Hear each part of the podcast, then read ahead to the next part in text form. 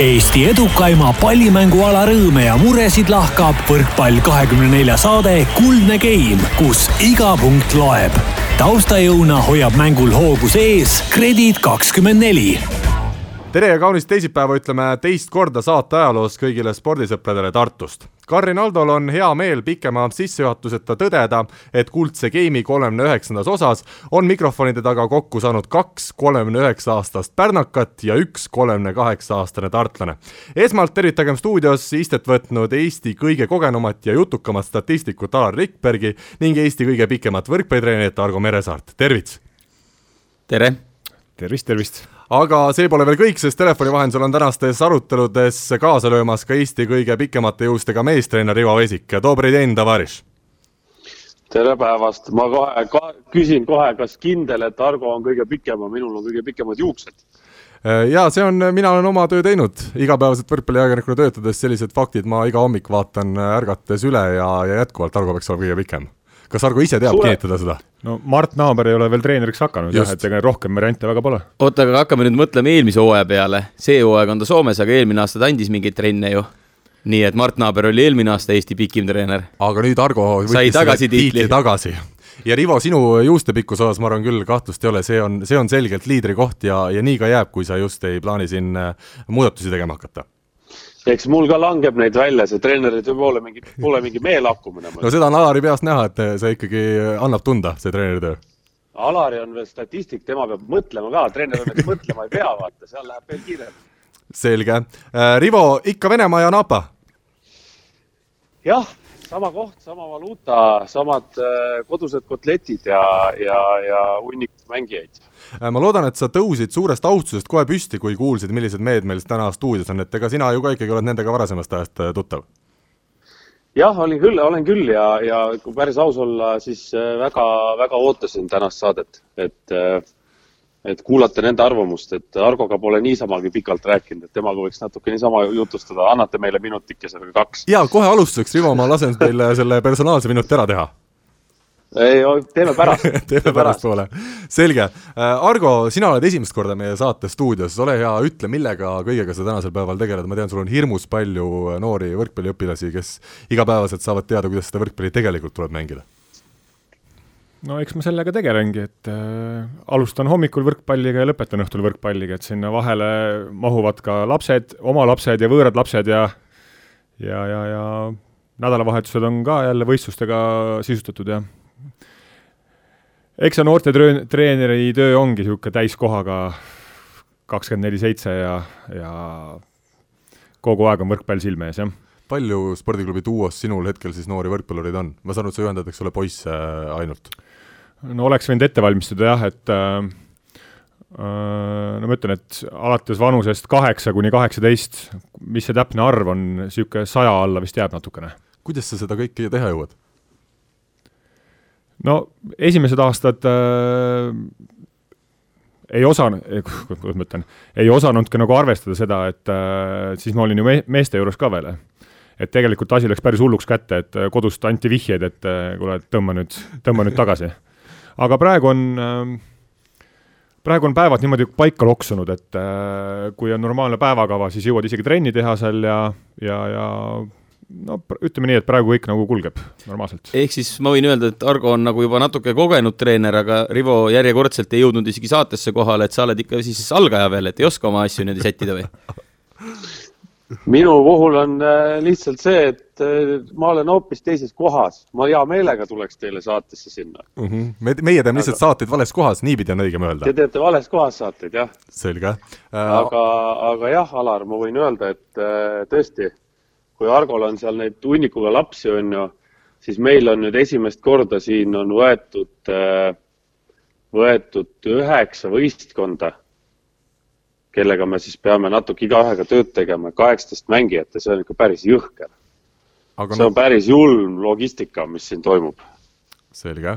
Äh, ma vahepeal Alari käest küsin, äh, kas vahepeal, kui sa seal spordiklubis näed äh, ringi liikumas Argot ja vaatad, et jälle võib-olla Stocktoni rünnakuprotsent viimases mängus oli kakskümmend viis näiteks, noh, selliseid olukordi tuleb ette, et siis ei ole seda peast läbi käinud, et äkki, äkki veel prooviks korra? ei no ikka korduvalt on läbi käinud, aga Stocktoniga ei ole hullu, Stockton eelmine mäng lõpetas, lõi neljateistkümnest neliteist järjest maha. praegu sul on hea koht just. ta läheb väikselt vormi, aga tempoosakonnas on meil hõre ja pikki Tartu pealt käin iga päev ringi, aga ei näe nagu üle kahemeetriseid mehi rohkem. oleks äh, Argo huvitatud, kui ütleme jälle Rikand ja Jõesaar tulevad ukse taha, löövad kogu kohvris oleva raha letti ja ütlevad, et meil on nüüd hooaja lõpuni head tempomeest vaja no ma olen käinud seal äh, kontoris istumas küll neil ja, ja Jõesaar on äh, pakkunud lepingutki, aga seda, ei ole isegi seda palga, palgakohta olnud olemas seal, et et leping, leping on olemas olnud jah, aga aga tegelikult on, on see mõte isegi päris peast läbi käinud siin, mitte sel aastal vist, aga ma arvan, et eelmine aasta. et kui nii-öelda igaks juhuks kirja panna, aga Jõesaarel hakkas, ma ei tea, kas see on kakssada eurot, on see mängi ülesandmise tasu, et tal hakkas kahju sellest ja, ja jäi see teema katki. aga see oli siis mõeldud diagonaalina ikkagi või?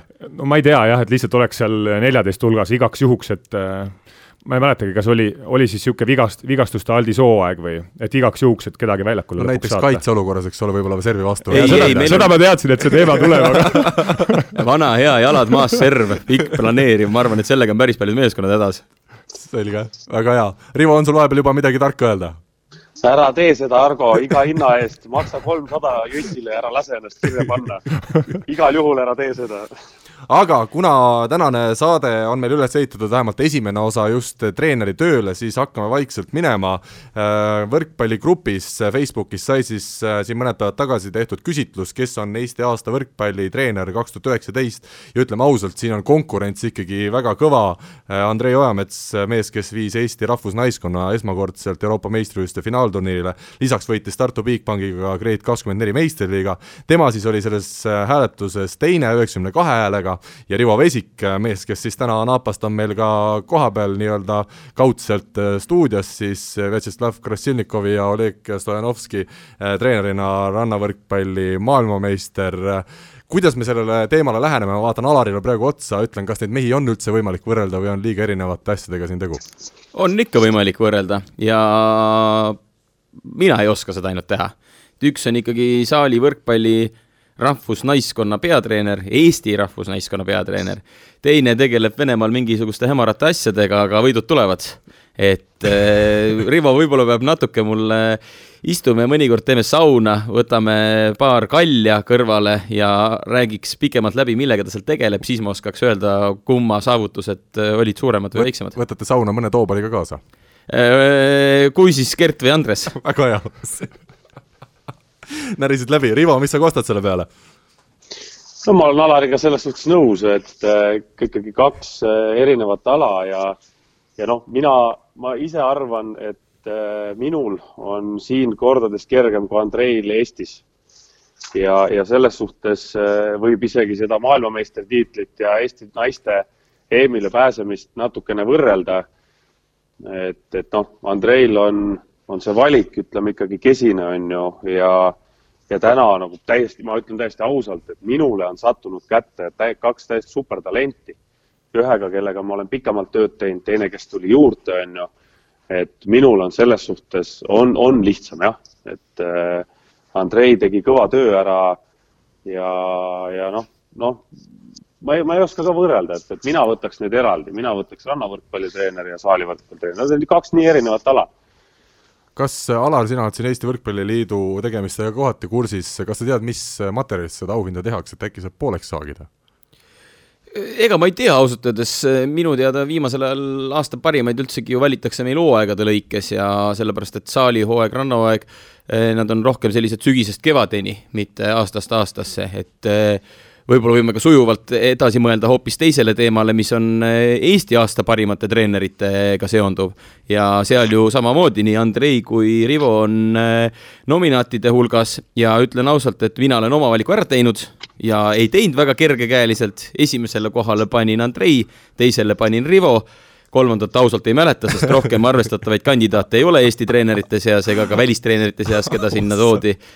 Aga mille pärast ma panin, on täpselt sama, mida ma rääkisin, Andrei ikkagi sai naistega sinna EM-ile peatreenerina peamise vastutajana, Rivol, nagu ta ise ütles, natuke lihtsam võib-olla, et, et seal on ikkagi erinevad paarid, meeskond, vahepeal sa oled võistlustel kohal, siis sa ei ole, siis on keegi teine, et ta on nagu üks osa sellist vähe suuremast süsteemist, kui mm -hmm. Andrei ikkagi vastutab äh, peast sabani kõigega. no siin oleneb ka täpselt seda, et kuidas sa vaatad otsa sellele valimisele, et kui sa jälle võtad nii, et Rivo teenis maailmameistritiitli, sellest kõrgemat autasu ei olegi võimalik saada, kui sa oma tööd, eks ole teed. Euroopa meistrivõistluste hõbe, samas ka ja ka maailmakarika etapi finaali võit, ärgem unustagem neid tulemusi. ei unusta, Rivo, aga ma pean Carl Rinaldot siin äh, tõsiselt parandama. Äh, maailmameistritiitel on asi, mis on võimalik võita, mida on võimalik korduvalt võita ja kui sa seda viimane kord ei võitnud, siis olid sa endine maailmameister, aga spordis ikkagi number üks autasus on olümpiavõit no,. ja see on eluaegne. ja seda ei ole ei Andreil ega Rival, ma saan aru veel? Äh, tundub küll aga tuleb kindlasti. aga mõlemad on käinud olümpiamängudel. Äh, ajaloo huvides mõlemad on käinud olümpiamängudel rannavõrkpallis, üks treenerina, teine mängijana. no vot, Rivo, sa neid aegu üldse mäletad veel? Kui nüüd äh, päris midagi siin kuskilt vadamehed kinni ei tõmba, siis ehk saab isegi treenerina ka ära käidud olümpial.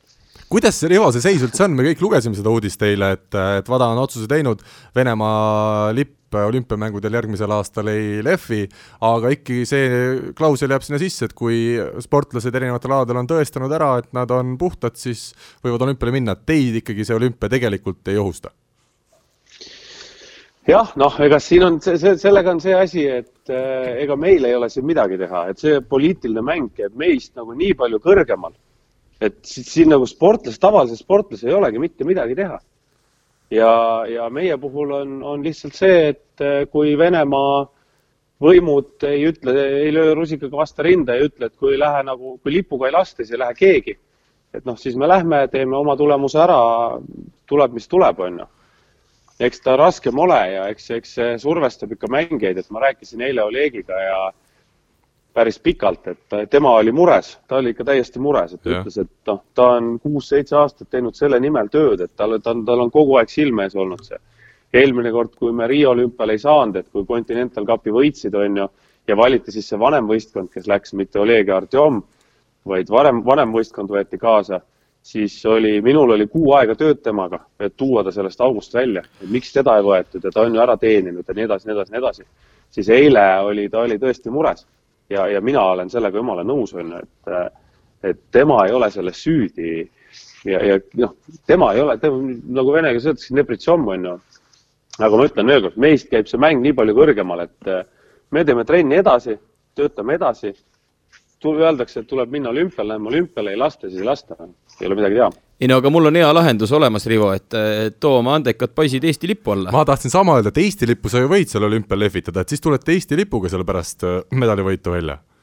kas te olete kuulnud või näinud või te teate kindlasti seda, et Dima Basitskit taheti Eestisse saada? ja kas keegi Eesti Vabariigist tegi selle jaoks midagi või tegi äh, seda kerg, Rivo, nüüd ma pean äh,, sina ei tea seda ja ma arvan, et avalikkus ka ei tea, aga ma räägin selle loo ära äh,. see lugu kulmineeris ühes Belgorodi kohvikus, meie Gianniga igapäevane kohvik ja tõesti, esialgne lugu oli selline, et Tiimal oli endal väike huvi aga poliitiline situatsioon ja nii-öelda eriteenete eest sportlasele kodakondsuse andmine oli täiesti lapsekingades. ja siis hoopis hiljem, mitu aastat hiljem ehk aasta kaks tuhat seitseteist tuli signaal meile, et me tahaks anda Tiimale kodakondsuse, kui tal on selle vastu huvi. ja selle lõpptulemus kuna me istusime kohvikus, mina, Gretu ja Dima, ütles Dima selle peale äh, otse ära, et äh, see Bašitski, kes kunagi tahtis Eesti kodakondsust ja võib-olla oleks isegi Eesti eest mänginud, ei ole enam see Dima, kes täna teie juures istub. ja näha on, et nüüd äh, on tal paberid saamaks Venemaa kodakondsus äh,, teenimaks seeläbi lihtsalt Venemaal rohkem raha. selge on see, et äh, kunagi ma just rääkisin Andrei Ojametsaga, kes oli öelnud Äh, sellesama väga noore Bašitski kohta, kes tema käe all Pärnus kunagi alustas oma karjääri, et tema ei lähe mitte kunagi Venemaale mängima, ta vihkab Venemaad, siis nüüd, äh, nüüd armastab Venemaad, et äh, noh, ta ei ole päris nii üks-ühele, et ka Eestil tekkis tegelikult selline poliitiline olukord, kus me oleks saanud teda tuua. Ja ma arvan, et täna on ka veel selline olukord nagu kaks tuhat seitseteist, et pigem kui meil on hetkel spordis inimesi, kes sooviks Eestit esindada, noh, Dima puhul oli ka otsene seos olemas ja ta kuulub praegugi Eesti Võrkpalliliidu mängijate alla. Äh, siis äh, kui see seos oleks, siis ma arvan, et täna on olukord natuke teistsugune, kui ta oli mingi kuus-seitse aastat tagasi aga vaata, siin on see asi, et äh, poliitiline olukord, et sport ja poliitika ei tohiks käia kokku üldse minu jaoks. et äh, mis poliitiline olukord, et kui te tahate endale saada head mängijat, kui see võimalus on olemas, siis tuleb ta ära võtta lihtsalt ja nii ongi. seda teevad äh, siinsamas venelased, panevad korvpalluritega äh, Tiimale öeldi kohe muidugi, davai, teeme ära, sest nemad näevad Tiimas, äh, nii palju, kui ma olen siin kuulnud, näevad äh, koondise temporündajat mitte võimalikes no, temporündajad. no aga praegu siis on meil olemas kaks andekat venda, siis on meil selline oma nuhk Anapas, kes saab äh, need mehed ümber rääkida, et hakkame pihta, kes peaministrile helistab ainuke asi, mis meil puudu on, on raha sest nende meeste palgad on nii suured, et ma ei, ma ei usu, et Eesti Võrkpalliföderatsioon või keegi suudaks neid kinni maksta. oota, aga me oleme Argo nii välja jätnud, et ja. Rivo, lähme nüüd Argo ja rannavõrkpall sellise valdkonna peale, et sa rääkisid, sul on andekad kutid, aga meil oli selline kahe poole meetrine torn, et eh, kuidas ta saali võrkpalli sattus, et kui sina teda nüüd noorena näeksid, eh, kas sina voolid, vooliksid tast tipprannavõrkpalluri? ma olen näinud Argo Meresaart mängimas ühte Eesti meistrivõistluste etappi koos legendaarse Jaanus Nõmsaluga oli äh, väga paljulubav. kumb siis, mis asi? aga tulemust vist, mis te mitmendaks te jäite, Argo, kas sa mäletad, sa vist ühe terve hooaja mängisite rannas, on ju? ei, me tegelikult Jaanusega mängisime noorteklassis päris aktiivselt, aga, aga kas siis, äh, kas siis sellest tingituna, et jah, et see saalikoondis tuli nii aktiivselt peale ja, ja, ja siis jäi see asi kuidagi katki. aga me olime päris paljutõotav paar, jah. Äh, mis tulemused parimad on? või ainult tõotas? Lähme siit edasi, et eh, neid tulemusi väga pole võib-olla.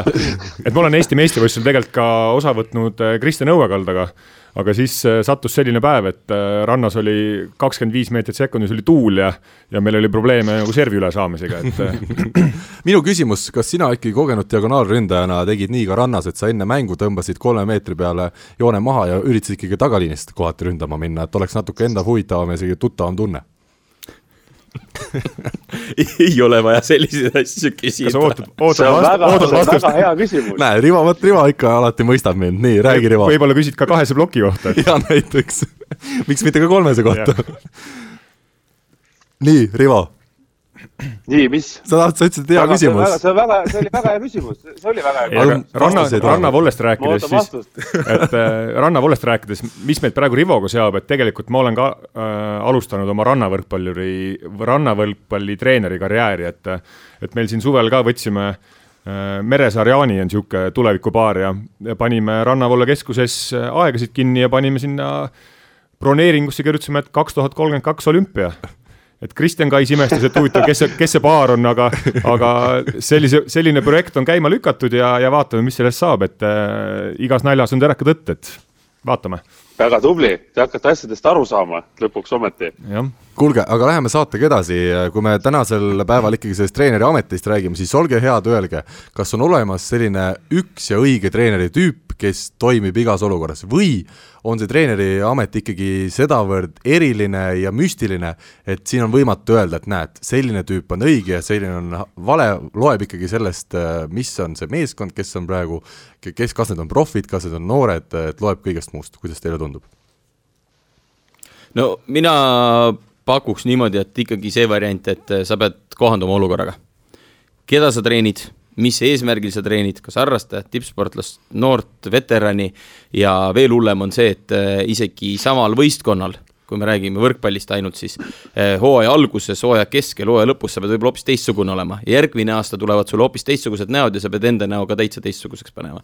et ma ei usu, et on olemas ühte head treeneri tüüpi, aga samas muidugi, kui on tugev tüüp, siis ta enda sellise iseloomu lähenemise või ma ei tea, ta on näiteks vaikne autoriteet, sellisena ta võib igas võistkonnas töötada, sõltumata mm -hmm. hoopiski sportlastest, kes ta ümber on mm. -hmm. aga mina küll ei usu ja ma olen neid nii palju erinevaid näinud, et see võib päevast päeva isegi muutuda.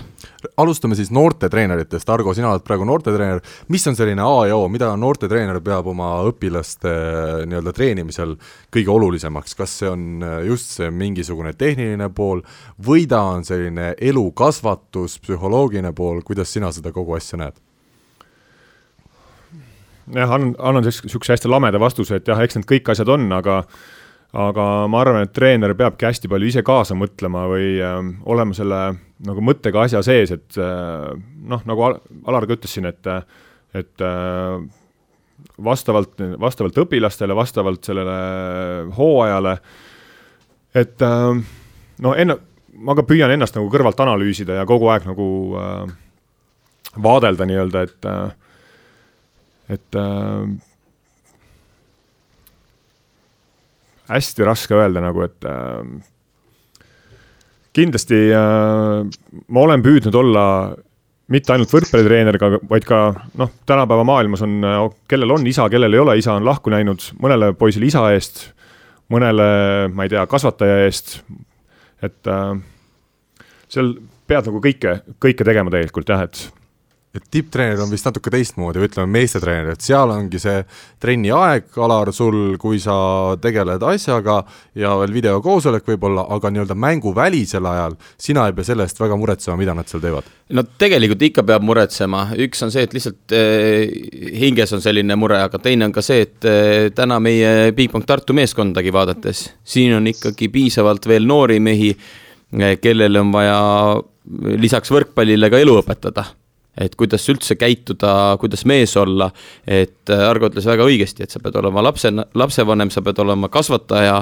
äh, mine sa tea, kas kodus või koolis, äh, kus iganes on mingid asjad tegemata jäetud, aga see on ka normaalne, sellepärast lapsevanemad ei kasvata oma lapsest tippsportlast. kui meie räägime sellest, et me kasvatame tippsportlast, siis me peamegi neile hoopis teistsuguseid, kas mingeid lähenemisi või iseloomuomadusi hakkama kasvatama.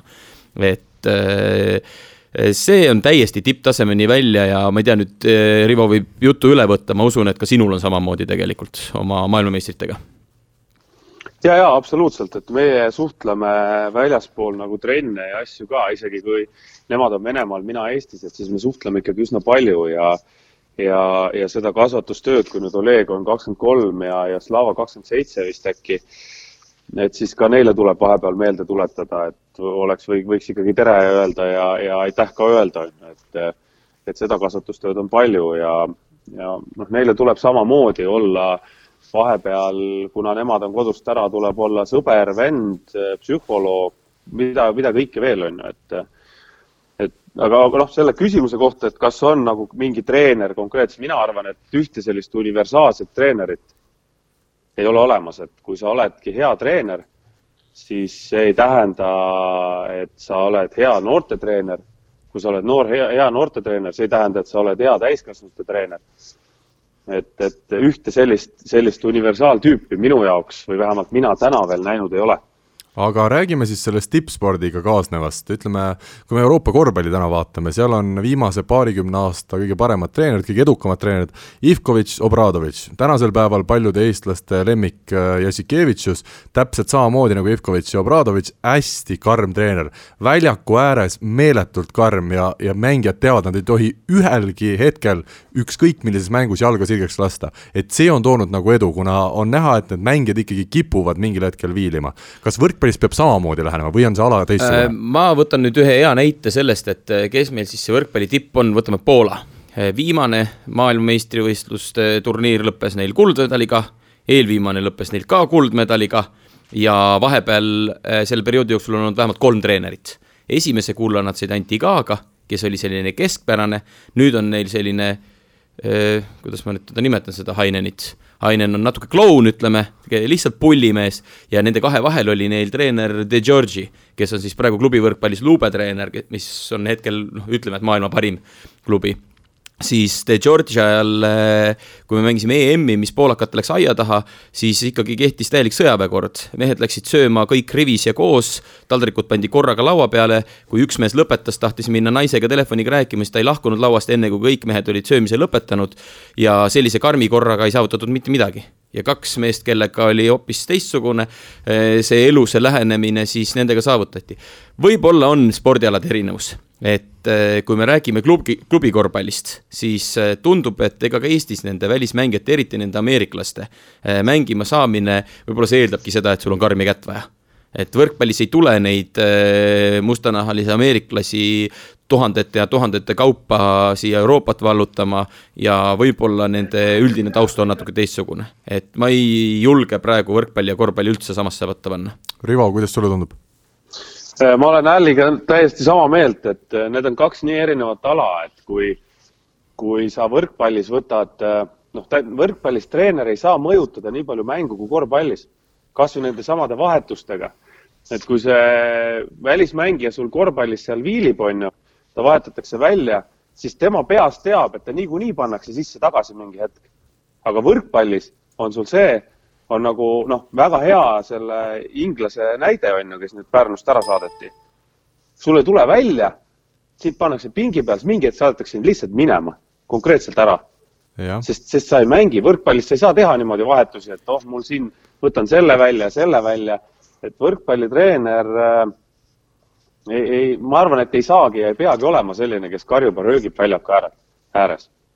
võrkpallitreener peaks olema nagu natukene sellist tasakaalustatum ja, ja strateegiliselt rohkem aitama oma mängijaid nagu time-out'i ajal mingeid asju ette ütlema, et ta, ta ei saa sekkuda vahetustega nii palju mängu kui nüüd vaadata muidugi, oota Rivo, äh, võrkpalli, ütleme sellise mõnekümne aasta ajaloo peale, siis äh, Karli välja toodud need karjuvad ja sõimavad treenerid, nendele. vanakooli mehed no.. vanakooli mehed ja naiste treenerid minu jaoks et nutvaid naisi on ikka päris tihti nähtud ja niimoodi on ka ikkagi olümpia ja MM-i tiitli heitlusi pea peale keeratud, kui on terve kari naisi, kes lihtsalt nutab peale treeneri sõimu ja siis hakkavad mängima et minnes Venemaal oli see, kes see oli jälle, sa tead? mul ei tule nimi meelde, aga jah. Karpol. Karpol, Karpol jah et, eh, et võib-olla siin on lisaks veel spordiala erinevusele ka meil soolised erinevused täitsa olemas. täiesti võimalik. aga minu arust selle, seda kõva häält tuleks teha rohkem trennis, et see käib nii noorte kui ka meeste kohta, et mida minu arust see mängu ajal karjumine võrkpallitreenerite puhul näitab niisugust ebakindlust või nagu võib-olla tegemata tööd isegi. et Kusjuures... need, need asjad on vaja trennis tegelikult ma paika panna. Argoga mitte ainult nõus, vaid kiidangi seda mõtet takka, mitte ainult tegemata töö või ebakindlus, vaid minu jaoks on see selline psühholoogiline või enesekontrolli puudumine kui treener karjub ja vahepeal isegi täiesti sisutult äh, treener peab juhendama. samamoodi time-out'i ajal, kui vaadata treenereid, kes kõva häälega oma mängijate peale karjuvad, tõesti, vahepeal on vaja ja see on päris täiesti psühholoogiline selline hetk, kui on vaja, eh, kui on, ma ei tea, kas laiskus või võetakse vastast liiga lihtsalt, siis on vaja kõva häälega tuua maa peale tagasi, aga üldjoontes tuleb tegeleda sellega, et normaalse mõistliku häälega mängijaid juhendada, neile mingisuguseid näpunäiteid anda. ma tahtsin küsida, sa jõudsid väga hästi, Argo, sellele küsimusele juba vastuse anda, et meil käis Sten Esna siin saates ja tema just seda mainiski, et ta on treeningul noorte, peamiselt siis tütarlastega karmim, aga kui on mänguhetk, siis ta üritab ikkagi toetavam olla, sest neil on niigi niigi raske selles mänguolukorras. nii et sina võid öelda, et sa oled ikkagi päris sarnane, ütleme sarnase stiiliga treener no selles mõttes nagu ennast, ennast jälgides, siis äh, kui ma treeneriks hakkasin, siis nüüd tagantjärele vaadates ma vaatasin ka, et noh, siin kohtunikud teavad mu kohta ka, et äh, sain ma kollaseid ja punaseid, nii uskumatu kui see ka ei näi, on ju. aga minu arust nagu tagantjärele vaadates see näitaski minu ebakindlust või sihukest äh, nüüd noh, ma ei tea, neli-viis aastat hiljem noh, ma ei ole väga palju kaarte saanud, et see käib nii kohtunikuga suheldes kui ka oma võistkonnaga suheldes jah, et äh, olen püüdnud sama niisugust äh, strateegiat kasutada, et, äh, et olla nõudlik treeningul ja, ja mõistlikum mängude ajal, jah järgmine asi, mida ma tahaks müüti kas kummutada või siis vaadata, et see vastab tõele, kas see ikkagi on tõsi, et iga aastaga treener läheb paremaks? et te ise tunnete, et näed, kolm aastat tagasi ma oleksin ikka täiesti valesti, tegin mingeid asju, et nüüd ma oskan arvestada. samas, ma olen ise mõelnud justkui see on loogiline pidi, eks ole, rada, samas me vaatamegi Jassikevitšust, meest, kes on jälle korvpalli poolt üks näide, ma tean, Alariga, Alarile juba ei meeldi kindlasti see korvpallinäidete toomine, aga, aga jälle hea näide, kus mees, kes on kõva autoriteet, tuleb sisuliselt kohe, kui on karjääri, mängija karjääri lõpetanud ja on suurepärane treener ei no ega meil tuli Aavo keel pärast pika mängu, mängija karjääri lõppu ju Näiteks, täiesti jah. null kogemuse pealt ja kohe rahvusmeeskonna treeneriks mm. -hmm. ja noh, tagantjärgi vaadates, mis enne oli, Argo oli seal natukene rohkem ka eelnevatel aastatel asja sees olnud, ma arvan, et see ei olnud üldse mitte paha vahetus, vaid pigem hea. et eh, tuligi, ütleme, treeneri kogemusega inimeste asemele täieliku kogemuseta inimene. aga sinu vast-, vastus, vastus sinu küsimusele selle aastaga paremaks minemise osas. mina olen nii algaja treenerina, et ei oska seda öelda, sest et statistikutöö on ikkagi suurem osa nendest aastatest olnud, nüüd viimased on asi alles rohkem treeneri töö peale läinud. aga mis mulle tundub kõrvalt vaadates päris palju ka välisklubides, on see, et tõsi ta on nagu vein, mida vanem, seda parem, kuni ühe hetkeni, sest mingi hetk tuleb väsimus et äh, mõeldes ka nende tippkorvpallitreenerite või ükskõik mis valdkonna peale, ma ei tea, see on inimese kohta erinev, see vanus võib olla kuuskümmend, see võib olla seitsekümmend, see võib seitsekümmend viis isegi olla. aga mingi hetk sa näed ära, et inimesed hakkavad nagu väsima mm. -hmm. mõte ei toimi enam, teevad rumalusi ja noh, selge on see, et see ei kesta lõputult mm. -hmm. Argo, kuidas sulle seesama just väide tundub, et kas sa tunned iga aastaga, nagu sa just no, ütlesid, et sa oled natuke rahulikumaks muutunud ja no ma veel kuuskümmend ja kuuskümmend viis ei ole, et aga ei, ma praegu küll tõsi... aga sa pole sellest väga kaugel, Argo ma ei hakka rääkima, mis number mul tulekul on, et aga ei jah, praegu ma tunnen. ära muretse mul veel ei tule.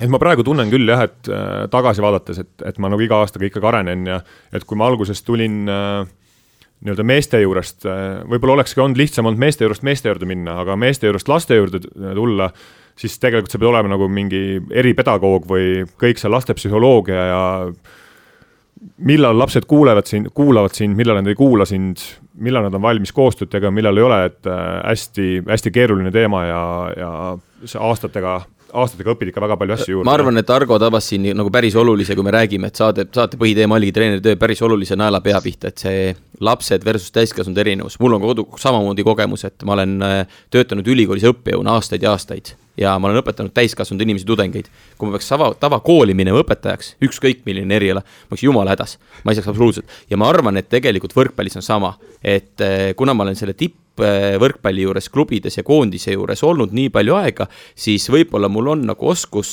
paremini pigem suheldagi täiskasvanud professionaalsetega, kui ma peaks minema lastetrenni, ma oleks täpselt samamoodi täiesti hädas. ja ma noh, ma ütlen siia vahele veel, et, et kui ma lõpetasin, siis ma ütlesin ka kõva häälega välja, et noh, ühel päeval saan või hakkan ka meestetreeneriks, noh, võtan klubi või ma ei ole selles enam nii kindel, noh, eks tulevik näitab, aga, aga ma arvan, et ka head noortetreenerid, kes teevad võib-olla terve elu noortetööd, noh, võivad, võib leiva, leiva lauale tuua ja võid olla väga hinnatud treener täiesti sada protsenti nõus, mulle ka kohati ma olen tihti mõelnud, et me ju räägime igapäevaselt, me räägimegi oma nii-öelda meeskondade treeneritest, aga, aga meedias ju kajastust noorte treenerit sisust, noh, sisust ei saagi äh,. ei ole, aga kui nüüd äh, mõtleme, meil on siin punt kaks pärnakat, üks tartlane pluss üks mittevõrkpalliinimene et eh, kui te kus, mõtlete. oot-oot, kus see üks mitte, ahah, ahah, nii, jah, väga hea aga igatahes, eh, kui me hakkame mõtlema nende noorte treenerite peale, sellised klassikalised, kes on aastakümneid tootnud, Aksel Saalist, Johannes Noormeest, Tartus Alar Kaljuvee, kes oli minu treener ja oli mitmeid põlvkondi siin üles kasvatanud.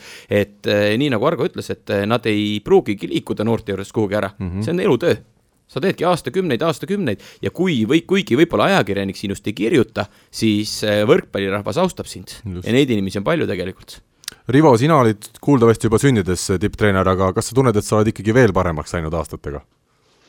Mina ei olnud üldse mitte mingisugune treener, ma ei ole kunagi seda olnud ja ma, ma pole isegi, ma isegi ei mõelnud selle peale, et minust võiks saada treener. absoluutselt null ja null koha pealt alustasin äh, ja noh, siiamaani on läinud hästi ja mina olen iga aastaga saanud ikka juurde asju, jah. ma ei ütle, et äh, ma oleks teinud alguses midagi nagu, et täna vaataks, et oh, seda ma tegin nii valesti. seda ma ei ütle, aga mingisuguseid asju tuleb iga päevaga juurde, et äh, kas või eile analüüsisin siin mingeid videosid ja asju ja, ja mõtlesin blokeerijatele välja väikese niisuguse taktilise koha, taktikalise koha, kus nad peaksid seisma. mis äh, kas see koht välja... oli äh, liiva sees või? Ei, ei, ei, vastase vastas. Nii, nii et äh, ikka ja minu arvamus selle teema kohta on see, et äh, mida rohkem, niikaua kui treener viitsib endaga tegeleda ja viitsib mõelda, niikaua ta suudab nagu areneda. isegi need vanakooli mehed, kui nad tegelevad endaga, kui nad kui nad suudavad, nagu Argo ütles väga hästi, ennast analüüsida väljastpoolt natukene. et siis, siis nad võivad areneda, noh, võivadki areneda, sest ju mäng kasvab, mäng muutub, võrkpall muutub, kogu aeg tuleb mingeid uusi nüansse, uusi treeningmeetodeid, asju peale. et neid õppimisvõimalusi on palju, kui sa, kui sa lihtsalt tahad ja viitsid. et siis see areng võib olla päris pikk küsimus nüüd, kas peatreener peab olema alati igas võistkonnas, vähemalt siis äh, meie alal, millest meie räägime, peab ta olema see nii-öelda juhtisik äh, nii siis äh, peatreeneri rollis kui ka mentaalse poole osas või võib olla nii, et peatreener ainult paneb taktika paika ja tegelikult näiteks keegi mängija on hoopis see mees, kelle ümber kogu võistkond nagu vaimselt koondub? kui sa võtad tavalise juhtimisteooria, siis äh, peatreeneril, kui ta ei ole nagu ka selle vaimse osa juht, on väga raske seda asja koos hoida. et äh, tegelikult ta peab ikkagi looma enda ümber autoriteedi ja ma arvan, et äh, loomulikult kapten või siis mingisugune kõige vanem või tähtmängija võib olla see, keda kuulatakse, keda järgitakse, aga samamoodi peatreeneril peab olema see autoriteet ja mina küll ei, ei tahaks nagu öelda, et et seda vastutust tohiks jagada, vaid pigem see võiks ühe inimese käest päris suures osas olla. et ega kui sa võtad võrkpalli või spordivõistkonna ala, siis see on üsna selline autoritaarne juhtimisstiil, see ei ole meil mingi demokraatia mm. -hmm. see on, see on täpselt nii, Argo on ka nõus ja, ja Rivo ilmselt no,. ja, ja mina, ma olen ka täitsa nõus ja, ja ma arvan, et just see kapteni roll ongi siis, eh, siis abi, aidata nagu peatreenerit et äh, kui peatreeneril on mingeid raskusi, mida ei tohiks olla, siis, siis kapten nagu paneb ka sõna paika ja on treeneriga nõus. et eks see esindusisik peaks olema jah, ütleme see, kes neid asju, otsuseid nagu teatavaks teeb, peaks olema nagu peatreener, aga aga nende aastate kestel ma olen ka nagu aru saanud sellest, et äh, noh, ma arvan, et äh, nii koondises kui ka klubide juures, et tegelikult on ka nii-öelda selles treeneri, selle treeneri oma niisugune tiimi tiimi olemasolu on nagu nii, nii väga-väga tähtis, et äh, kes, kes seda peatreenerit seal ümbritsevad, abistav, see taustajõud, et, äh, et ega see peatreener äh, võib-olla ongi niisugune delegeerimisoskus juba ja, ja kuidas, kuidas see koostöö seal laabub, et sellest sõltub ka väga palju et.... Äh, ma nüüd ei mäleta, kas Rivo, sina või Argo, mis just ütlesid, et äh, üks ongi jah, see, kes asjad teatavaks teeb. et kui ma mõtlen klubi ja ka koondise aastate peale tagasi siin, siis äh, jube tihti on see, et treenerid, võib-olla isegi juures veel füsiod, statistikud, kes iganes, arutavad omavahel asjad läbi, panevad mingid asjad paika, see toimub kuskil õhtul kellegi hotellitoas ja järgmisel päeval võistkonna ette läheb ikkagi peatreener mm, -hmm. mitte mhm. keegi teine neid asju selgitama, et see ei pruugi isegi tema otsus olla mm. -hmm. ma mäletan, et äh, mul praeguseni veel lahendamata olukord, et äh, kes võttis vastu otsuse, kui me, Eesti võitis kahe tuhande kaheksanda aasta maikuus selles legendaarses mängus, kus äh, Argogi hiilgavalt esines Poolat ja sai EM-finaalturniirile, siis Aavo keelest kirjutatud, Märt Roosna poolt kirjutatud raamat ütleb, et selle otsuse võttis vastu Andrei Ojamets kes ütles, et eh, Gert oli olnud teine sidemängija ja Veiko Lember oli esimene sidemängija. aga mina mäletan täpselt, kuidas me arutasime kolmekesi läbi, et läheme ikkagi Veiksiga, Veiks on paremas vormis ja siis tuli enne mängu Aavo ise, kes ütles, et mul tagumikutunne nüüd äh, surtsatas ja, aga ma arvan, et ajalugu ei mäletagi täpselt, kes äh, sellest puldist kokkuvõttes selle otsuse nagu vastu võttis. aga selge on see, et treenerite meeskond selle otsuse läbi arutas ja siis loomulikult peatreener selle mängijatele selgeks tegi Rivo, kas sul on nüüd aeg äh, minna venelastega trenni, tulevad nad juba sul kuskilt liiva alt välja või on sul veel mõned loetud minutid aega? no mul üks viis minutit veel on, nii et kui on veel küsimusi, siis küsige. no meil tuleb. jah, aeg, aeg tiksub peale. meil tuleb küsimusmäng, vaatame veel selle koos sinuga ära ja, ja siis vaatame, kaugel sa veel oled. küsimusmängu toetaja on teamshield.com oma disainiga spordi ja vaba aja riided. nii eelmisel nädalal sai siis küsitud, milliste tuntud õdedega mängis fotograaf Gertrud Alatare noorteklassides koos võrkpalli. Alar, Argo, Rivo, kas keegi oskab pakkuda? ainsad õed, kes mulle üldse praegu äh, meelde tulevad, on kullerkannid ja Bratuhinad, aga mul pole kõige õrnematki aimu. Nete ja Elizabeth, need, need, need, need hollased ei ütle sulle midagi, no see on see, nüüd me saame teada, mis ega me seda naiste võrkpalli mm. nii palju ei järgi, jah no selge, nii, kas Argo üritab ka veel? ei, ma ei paku praegu. Rivo, sul on kindlasti veel mõni äh, hoopis seitsmes pakkumine? ei ole, mul olid samad mõtted õed peas. õed tihedad oleks ka olnud muidugi, mis on kindlasti õige pakkumine. aga ma pakun, et need võisid olla õed äh, kullerkannid, kannud, kannud. jah, kas need on siis kannid või kannud, seda juba teab igaüks ise, igatahes Liis Kullerkann ja Kadi Kullerkann on tõesti õige vastus. meile pakuti, kusjuures vist saate ajaloos kõige rohkem erinevaid vastuseid, tulidki siin peided ja hollased ja no sellepärast ja... sa teadki, ega sa muidu neid ei teaks ju. absoluutselt nii. kas, kas keegi pakkus ka sõnajalgasid mul on küsimus. ainult sina, Rivo, ainult sina, Rivo. ja Heiki Kiiskinen võib-olla peab veel üle vaatama, aga meil oli viis õigesti vastajat, Argo, ma annan võimaluse seekord sulle, ütle üks number ühest viieni. no ma ütlen viis ütled viis, äh, Tarmo Lepik on õnnelik inimene, kes on võitnud võrkpalli kahekümne nelja legendide spordisärgi, palju õnne, Tarmo, kindlasti jõuab varsti sinuni ka teadmine, kuidas see auhind kätte saada. meie aga küsime uue nädala küsimuse ja see on järgmine. mis aastal kuulusid Alar ja Argo esmakordselt koos Eesti rahvusmeeskonda? väga lihtne küsimus, vastused sa, vastused saab saata info, et võrkpall kakskümmend neli punkt ee ja võrkpalli kahekümne nelja Facebookile sõnumitesse, meie aga läheme edasi äkkvooru juurde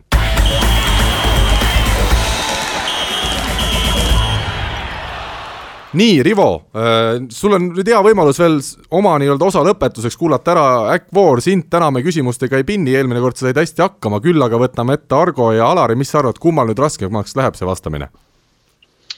tead, nad on nii targad mehed mõlemad, et siin ei teki isegi kahtlust või tähendab, ei teki mingit probleemi kummalgi. selge, alustame Argost. laskesuusatamine või autoralli? Nagu spordialane või? noh, jah, siin on üks või teine, siin ega mõtlemisaega ei ole ja autoralli. väga hea. Äh, Pärnu või Tartu? no Tartu. Äh, Urmas Sõõrumaa või Jüri Ratas? Jüri Ratas. Oliver Venno või Rene Teppan? Rene Teppan. Gert Toobal või Aavo Keel? Äh, Gert Toobal. oma kaitsemängu lihvimine või mõnus õhtu sõpradega välk vastus või? jah mõnus õhtu sõpradega õige, sa oled võitnud. soomlased või lätlased? Äh, lätlased. Lotte või jääaeg? Lotte. Mait Maltis või Liis Lemsalu? Liis Lemsalu. no ma ei pea vist küsima, mis, äh, millisele küsimusele vastuse leidmine kõige keerulisem oli täna no sa pead pärast, aega võtma, vaata, kus kõige rohkem aega läks. aga väga hea, äh, Alar, ma tulen kohe sinu juurde ja alustuseks selline küsimus, kumb oli enne, kana või muna? muna kust sa tead? sellepärast, et kana tuli munast ju. aga kust see muna siis tuli? kõige esimesena oli kukk, see on selgeks tehtud Rait Rikberg või Sten Esna? Rait Rikberg. Saaremaa võrkpalliklubi või Pärnu võrkpalliklubi? Saaremaa võrkpalliklubi. jõulud või näärid? jõulud. Anne Veski või Tanel Padar? Anne Veski.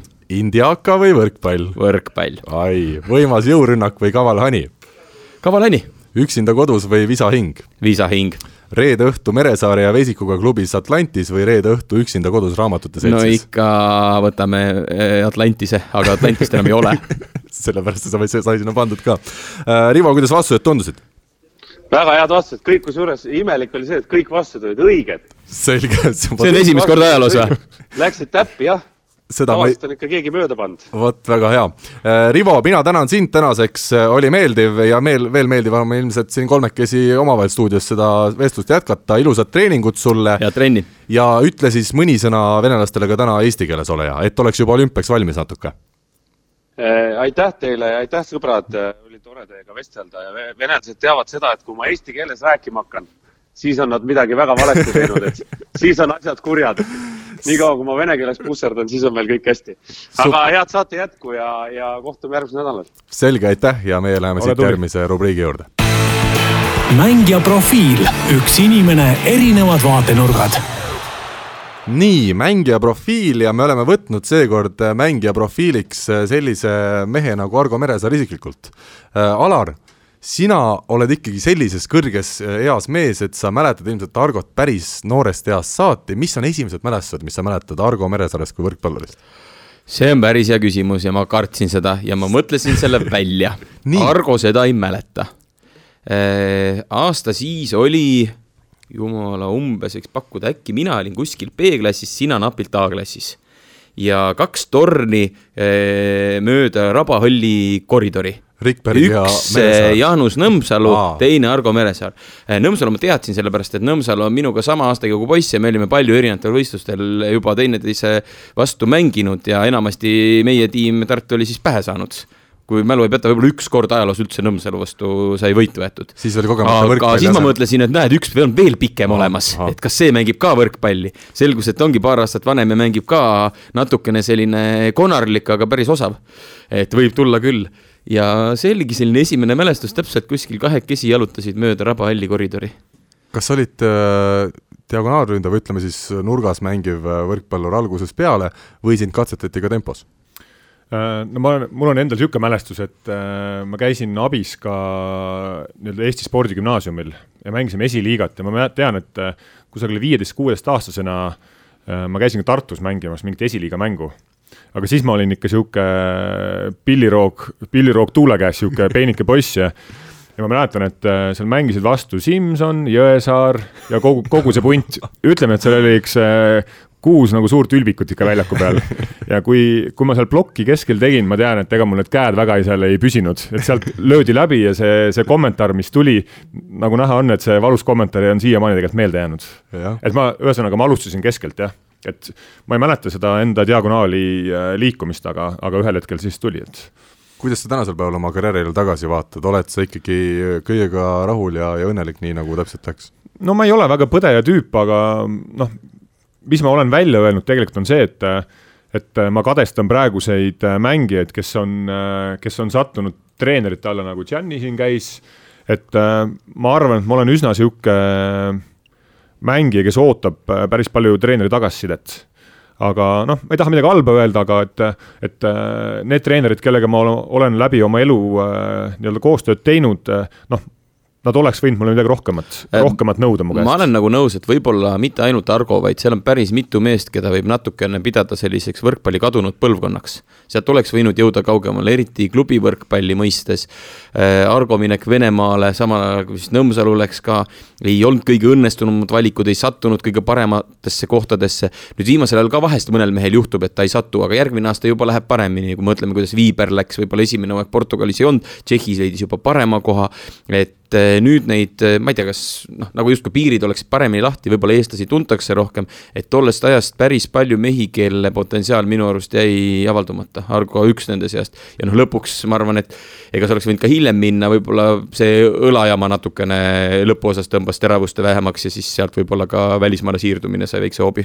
no eks seal, eks seal vigastused ja kogu see see, et Pärnu läks äh, eurosarja mängima, läks Champions League'at mängima, see, et Selver pärast äh, pani oma niisugust äh, üsna tugevat võistkonna kokku, et eks need, eks need niisugused juhused minu elus seal rolli mängisid, jah palju sul välismaalt üldse huvi tunti sinu karjääri jooksul, oli, oli mingeid hetki, kus olidki kohe mingid Itaalia või Poola või, või mingid teised tipp, tipp? no tegelikult ma olen, ma olen testimas käinud nii Itaalias, Prantsusmaal, Kreekas et mõnest kohast äh, ei tahetud mind, mõnda kohta ei tahtnud mina minna, noh, ütleme Kreeka oli puhtalt niisugune koht, kuhu ma ei tahtnud äh, nende palgavõlgnevuste ja kuulujuttude pärast, et need võistkonnad tegelikult olid seal Pireus olümpiaakos mängis väga okeil tasemel sel ajal ja aga no, kuidagi need kuulujutud olid, olid nagu olid, et siis ei tahtnud mina.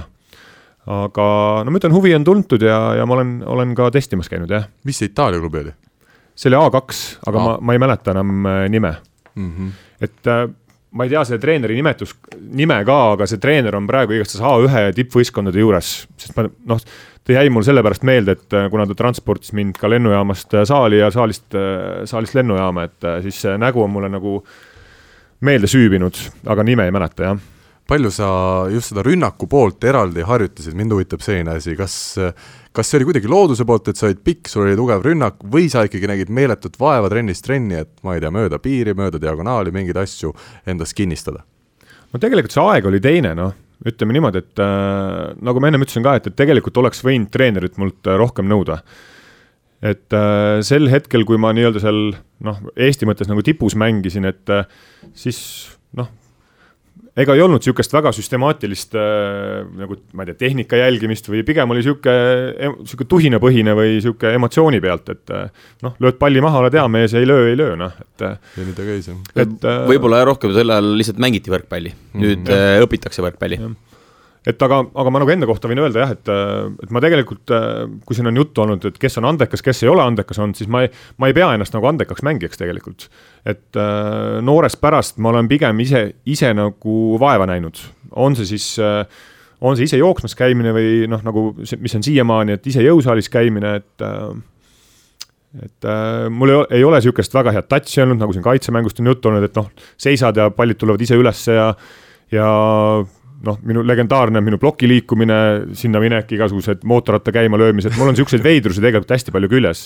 ja lõpetades selle rünnaku, rünnakutehnikaga, noh, mis, mis võib-olla oli seotud jah, õlavigastusega aga et selliseid äh, nurki on mul päris palju tegelikult küljes olnud. no räägime sellest kaitsemehest, ma tean, et sa ise ei pane pahaks, sest me räägime seda ikkagi alati naljaga, mina ausalt, mina tunnistan, ma olen nii noor mees, mina mäletan seda, et Argo Meresaar lõi palle hästi maha, seda, kuidas ta kaitses mängis, mina ei mäletagi, seda ma olen teistelt kuulnud, et võib-olla kõik pallid päris üles no siin, kes teab, mis on chicken wing, on ju, et siis äh, et seda chicken wing'i tuli mul päris palju tegelikult. Äh, selgita, ütleme no,. Õlge küünarnukk sihuke. aga ma, ma arvan, et ma pean nagu teist, paljude teiste kuulujuttudega, ma pean tänulik olema härra Jaanus Nõmsalule.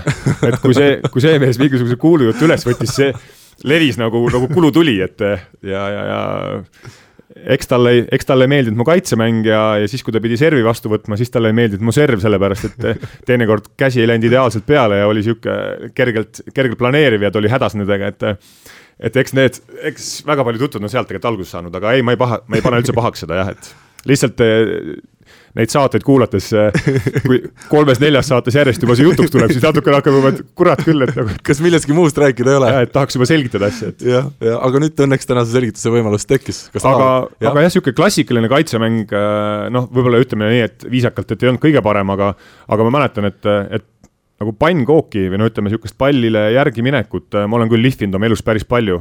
Ja selle kohta ma julgen küll enda kohta öelda, et ma olin selles päris hea et kui ma vaatan tänaseid noori näiteks, äh, ma ei ole kunagi osanud liblikut hüpata näiteks, aga pannkoogiga ma olen küll, no kurat, sadu või kui mitte tuhandeid palle ära toonud. see on päris naljakas, et äh, ma ei tea, kas enam ei õpetata, okei okay,, tüdrukutele õpetataksegi rollimist ja võib-olla liblikas ei ole, aga meil endal Bigbank Tartu meeskonnaski noored poisid tulevad ja nad ei oska liblikat hüpatada. Neil ei olegi õpetatud ühte tegelikult väga olulist elementi, aga see on jällegi see spordiala arenemine.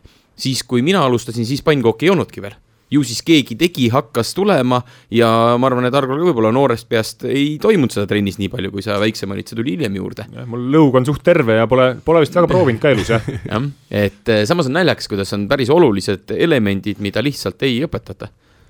et eh, nad on ju võrkpallis tänaseni olemas nõus, aga kuna meil on juba viiskümmend minutit saatest kulunud, siis on aeg minna saate viimase osa juurde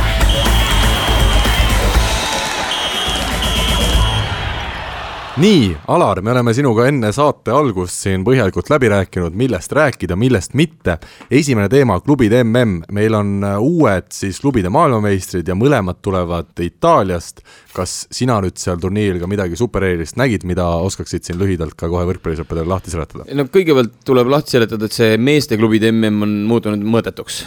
et, et äh, ainult neli võistkonda kõik mängisid omavahel, ma ei tea, mitu korda läbi risti-rästi, et eh, hea küll, seal oli ka korralikke tiime, tõesti, Sada Cruzeiro Brasiiliast, kes lõpuks teiseks jäi, venelaste Kaasani Zenit, kes kolmandaks jäi, ei mänginud väga hästi, aga ma arvan, et see on eh, turniir ja formaat, mis on välja suremas kas see just viimane oli, aga ennustan, et üks viimaseid. valel ajal, koormab, pikk sõit, sest tihti on brasiillased tavaliselt teistpidi, eelmine aasta ma sain isegi osaleda, siis oli võistkondade arv kaheksa, hoopis teistsugune oli turniir aga jah, itaallased võitsid ja Lube võistkonna kohta võib öelda, et eelmise aasta meistrite liiga võitja, eelmise aasta Itaalia meister, eelmise aasta klubide MM-il jäi tiitlita, vahetas pärast seda treenerit, treeneriks sai sama, seesama Fernando de Giorgi, kellest ma rääkisin, kes Poola koondises samal ajal sööma kupatas ja ongi selline kõva diktaator, aga tundub, et kui sul on kolm kuubakat, Leal, Juan Torrena ja Simon, ja üldse selline kirju seltskond, siis äh, võib-olla sul ongi vaja sellist äh, diktaatori kepiga meest, kes seda asja kontrolli all hoiaks.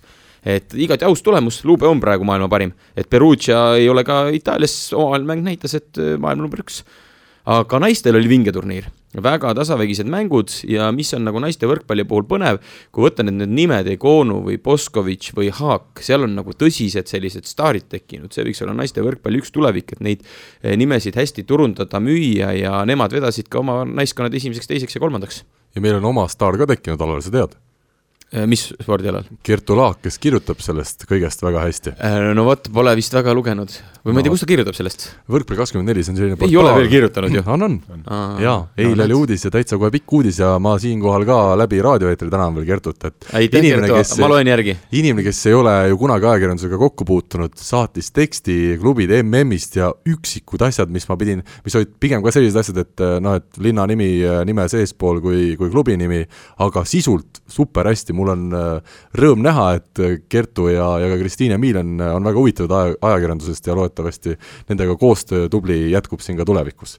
aga mida ma soovitan vaadata kõigile inimestele, on ikkagi see naiste poolfinaali tagasitulek viiendas game'is oli seal kümme-neliteist seis ja see oli müstika, mis seal toimus ikkagi jah, naisteklubide MM-il oli tase ja nüüd on ka näha, et eh, kui arutatakse, et kus see võrkpalli tipp on, siis eh, naistes on kaks riiki, need on Türgi ja Itaalia mm. -hmm. ja sinna on ostetud kõik parimad mängijad, sinna on ostetud staarid ja ma arvan, et kui võtta nüüd nende kahe riigi järel järgmine, mingi Prantsusmaa naisteliiga või midagi sellist, siis seal on, kui meestes võib üks võistkond teist üllatada ja veel tasavägiselt mängida, siis ma arvan, et eh, seda vahemikku mõõdetakse kalendriga juba naiste tippvõrkpallis, kui palju on need kaks riiki oma tippklubidega eest ära teistel läinud Argo, sina oled käinud nüüd Itaalia klubis kunagi ammustel aegadel testimisel, kuidas see võitjaklubi Conegliano, kuidas seda hääldama peab, kindlasti oled tänu sellele koge-, kogemusele targem? ei, ega vist. ei tea, ei tea. jah, no jätame siis Conegliano. vaatasin seda naiste mängu, oli väga nauditav, ütleme ausalt. oli ja samamoodi oli EM minu arust need otsustavad mängud väga head, mis meil ka Eesti televaateni ja tänu, tänu, tänu sellele naiste EM-ile pääse, pääsemisele on ka Eestis naiste võrkpall kõvasti-kõvasti tõusnud, et olid tuttavad näod ja oli hoopis teine feeling vaadata. Kas seda on nüüd ka olnud, äh, siin on hea vahele küsida, Argo, ja võib-olla Alar, sina tead ka, et Tartus pärast ütleme naiste EM-i või siis ka meeste EM-i ongi rohkem tulnud veel huvi nii-öelda noortelt, et tulevadki lapsevanemad ja tahavad last panna just võrkpallitrenni ma loodan, et ma ei valeta, aga ma ütlen, et tüdrukute võrkpalli osas äh, Tartus on, äh, tuleb järjest ja järjest nagu jääb treenerid puudu. et kas see on nüüd tänu sellele EM-ile, ma pean, pean tüdrukute treenerite käest küsima seda, aga nagu tüdrukud tuleb järjest-järjest seal on. Argol võib-olla jah, EM üks asi, aga teine, kui sa vaatad ka perspektiivi, ega laste nimel peab, käib päris kõva võitlus, aga lapsevanematele nüüd äh, Äh, kes võib-olla ka saadet kuulavad, kui sa mõtled, et äh, kuhu trenni oma tüdruk panna, milline spordiala tüdrukutele sobib, äh, ükskõik kui palju jalgpall reklaami teeb, see ei ole naistele mõeldud spordiala. ja noh, ei taha ühtegi teist spordiala maha teha, aga võrkpall on naistele sobivam spordiala kui paljud teised. Et see võib ka olla üks põhjus, tegelikult läbi aegade vist tüdrukutega ei ole nagu hullu olnud, et vähemalt neid, kes alustavad või tulevad mingil hetkel võrkpalli, neid on alati olnud palju aga seal tekib, see on nüüd spordisüsteem ja meie enda alaliidu töö ja kõige jätkusuutlikkuse küsimus, vanused vahemikus, ma ei tea, siis viisteist kuni üheksateist näiteks, et miks nad lihtsalt ära kaovad. pluss pärast seda, kui nad veel sünnitama hakkavad. et äh, järjepidevus on naiste spordi ja naiste võrkpallis häda. Väga hästi kokku võetud, järgmine teema, Eesti koondise peatreenerid hakkavad varsti-varsti selguma, kakskümmend üheksa detsember karikafinaalide aeg ja Eesti siis sada võrkpallgala Alar, sina ikkagi oled ju koondises sees olnud, kindlasti sul on ammu juba teada tegelikult, kes need peatreenerid on, ole hea, räägi meile ka. Äh, kõik on ammu teada ja nagu ma lubasin, siis täna saates äh, kergitame saladuse loori. ehk siis Eesti rahvusmeeskonna uus peatreener on üks võrkpallitreener, kelle Aa. nime arutlus toimus, toimub antud hetkedel Eesti Võrkpalliliidu juhatuse koosolekul ehk siis täna on see päev, kui juhatus äh, vaagib, arutab äh, nimesid, kelle siis komisjon äh, eelnevalt on välja valinud, kellega läbirääkimisi pidanud. Ja äh, ei saa jah öelda, et ma täielikult eemal oleks olnud, et ma olen eelkõige kõige aktiivsem selle komisjoni osas, Hanno Pevkur on ikkagi see, kes seda sisulist tööd on teinud ja ka mina olen temaga korduvalt eh, erinevatest nimedest, inimestest, nende stiilidest või eh, käitumisest või millest iganes rääkinud, ka ise nimesi sinna nimekirja soovitanud. ma tean, eh, kes seal on, soovides säilitada kõik oma kehaosad sellisel kujul, nagu nad praeguseni mu küljes on. ei ütle ma, kes need nimed on, aga Hannoga eile veel rääkides, siis Eh, ütles ta, et on täitsa okei okay välja öelda, et kahekümne üheksas detsember, eh, karikafinaalide päev nii meestel-naistel kui Eesti võrkpall sada galapäev on siis see, kui kõikide eelduste kohaselt, eeldades, et eh, läbirääkimised, otsustamisprotsess ja mingisuguseid takistusi ei teki, saab avalikkus teada, kes on Eesti rahvusmeeskonna ja tegelikult ka naiskonna peatreener, aga ütlen kohe ära, et naiskonna osas täiesti alguses natukene midagi uurisin, hiljem isegi ei ole ise väga huvi tundnud. aga palju meestel neid kandidaate nüüd on jäänud alles, alles? mõned väga, väga hea vastus. mind huvitab nüüd see, ma usun, kuulajaid ka, Eesti rahvusmeeskond, võtame siis meeskonna praegusel hetkel ja me räägime siin, noh, me küll ei räägi nimeliselt, aga me teame, et kandideerivad äh, mehed, kes on ilmselt äh, väga tugevaid klubisid maailmas juhendanud või koondiseid. kust, äh, kas, kas raha on siis võrkpallis maailmas üleüldiselt nii vähe, et see ongi reaalne, et mingi tipptreener tuuaksegi Eestisse või on Eesti Võrkpalliliit nii hästi majanduslikult tegutsenud? teistpidi ma ütleks niimoodi, et kes on võrkpallis tipptreener? Kui palju avalikkus või tavaline pealinn, kui palju Argo Meresaar tunneb maailma treenerit nimeliselt. ta ei mäletanud seda itaallastki, kes teda vedas. ma ei oska öelda ka, kes see oli Medei või kes iganes, aga ega minagi neid nimesid väga ei mäleta. tegelikult võrkpallis ei ole selliseid asju nagu kuulsad treenerid. Need on nii üksikud inimesed üldse, keda teatakse, kelle võistkonnad on võitnud mingisuguseid suuri auhindu ja need unustatakse päris kiiresti, et võrkpallimaailmas ei ole Murinosid ja ega ma välista, et ei tekigi kunagi et eh, see, et eh, ma olen mingi võistkonnaga kas klubi või koondise tasemel kuhugi jõudnud või midagi teinud, eks need tulemused ongi need, mille pealt vaadata. ja ma olen üsna veendunud, nii nagu Gretu oli Eestile noh, kõikidele inimestele Eestis välja arvatud Gert Toobal täiesti tundmatu nimi sest et üks eestlane üldse, ma arvan, teadis enne Georgi Gretust midagi, siis äh, julgen öelda, et üheksakümmend üheksa koma ja veel suured numbrid protsente eestlastest ei ole oma elus varem kuulnud ükskõik, kes see uus äh, Eesti koondise peatreener on, nii naistes kui meestes. inimesi lihtsalt ei tunta. raha asi, raha taha asi ei jää, ühesõnaga kindlasti jääb, sellepärast et äh, Eesti ei ole selline riik, kes saab äh, täiesti ükskõik äh, millistel tingimustel keda iganes valida, üks asi on see, et sa valid peatreeneri. teine asi on see, et kes lisaks sellele peatreenerile kuulub kandidaatide nii-öelda või nende potentsiaalsete treenerite staff'i.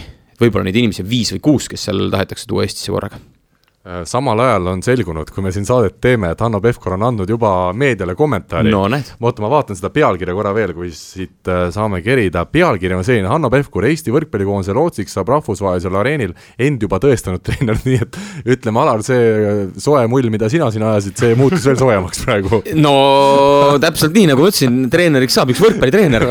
ja noh kui nüüd, kui sa nüüd mu käest küsid, et kes see on mul hakkas praegu, nii palju, kui meil neid eh, asju siin kupli all on, kõik hakkas tööle tegelikult. teades neid nimesid, ma hakkasin mõtlema, et kes neist on nüüd siis eh, rahvusvahelisel areenil tõestanud, et mida ta sellega öelda tahtis, sest mina ei tea, kes on valitud.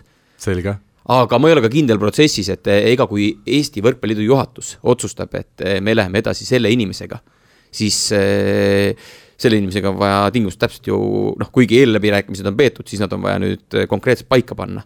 ja enne ei ole midagi paigas, äh, kui on äh, ikkagi kas midagi paberile või väga selgelt kokku lepitud. seda Selge. täna veel ei ole ju aga nüüd siis sa hakkad ootama kõnet närviliselt, et kas ikkagi võetakse sind punti kaasa või ei võeta? ei oota absoluutselt närviliselt seda kõnet.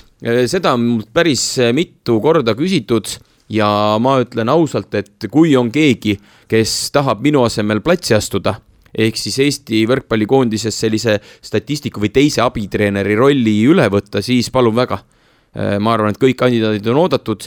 Äh, teine asi on nüüd see, et äh, mm, ega nii nagu Gretu tulleski, ma ei teadnud temast midagi, tema ei teadnud minust mitte midagi. me õppisime, kasvasime kokku ja hakkasime koos töötama, ma usun, et päris hea meeskonnana ega neid inimesi kui me nüüd eestlastest räägime, siis äh, mul on näppe on kindlasti rohkem kui potentsiaalseid inimesi, kes seda tööd võiks teha. et võib-olla isegi ühega näppe on rohkem, kui neid inimesi oleks kokku võtta. et äh, valik on väga-väga piiratud, aga teistpidi. Mis mul on nüüd, kuusteist aastat vist juba tehtud või viisteist või seitseteist või no neid numbreid on palju ja mänge on, nagu me kunagi tegime nalja, siis mängudes Eesti koondises minust eespool on kui palju inimesi, Gert Toobal ja kui me räägime nii treeneritest kui mängijatest. Ja vist jäi kas ühe või kahe mänguga ette ka Andrei Ojamets. et minust rohkem nagu rahvusmeeskonna juures töötanud, kusjuures ma arvan, et ega rahvusnaiskonnaga oldud aeg mul seal võib-olla arvestuses ei olegi, sest ma olen vahepeal naiskonna abis, juures abis ka olnud isegi. et ajalugu on pikk, jah. Et eh, võib-olla see on uus väljakutse hoopis, et uus rahvusnaiskonnatreener ei tea ju, sellest ei ole ka väga räägitud, et äkki hoopis tema tahab mind oma võistkonda. või tahavad mõlemad, vot see oleks eriti hea. Niisuguse rumalusega ma ei tegele.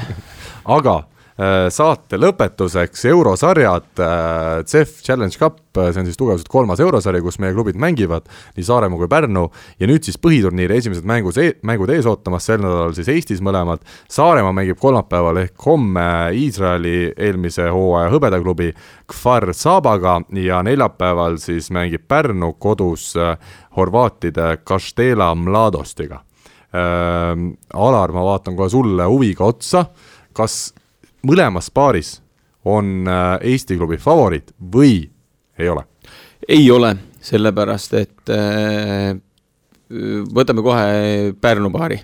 Pärnul on nii palju asju, millega nad ise peavad hakkama saama praegu ei ole ka üllatus see, kui Pärnu noh, kaotab Riiale, võib ette jääda Limbašiga, kellega iganes. sest seal on võistkonna sees lihtsalt nii palju igasugu jamasid olnud. mängijate toomisi, saatmisi, viimisi, kutsumisi, see on päris paras tsirkus, mis on toimunud sel hooajal Pärnus ja Vigastused eks see on nende veel, enda viga ja eks see on teistpidi ka väga paljude ütleme siis õnnetute asjade kokkulangemise viga ja sellepärast ei saa mitte kuidagi, Horvaatia on ikkagi ajalooliselt korralik võrkpallik, olgugi et kui mälu ei peta, seal on vist üks serblasest ja üks ameeriklasest, kaks legionäri ainult. Äh, aga horvaatide tase, kuigi seal ei ole koondise tasemel mehi, on selline, et äh, mina ei julge kindlasti Pärnut favoriidiks pidada. ma ei ole muidugi selle võistkonna sisust nii palju teadlik, natukene rohkem uurisin äh, ja ka Saaremaa palvel leidsin neile videosi ja statistikaid sellest Iisraeli meeskonnast.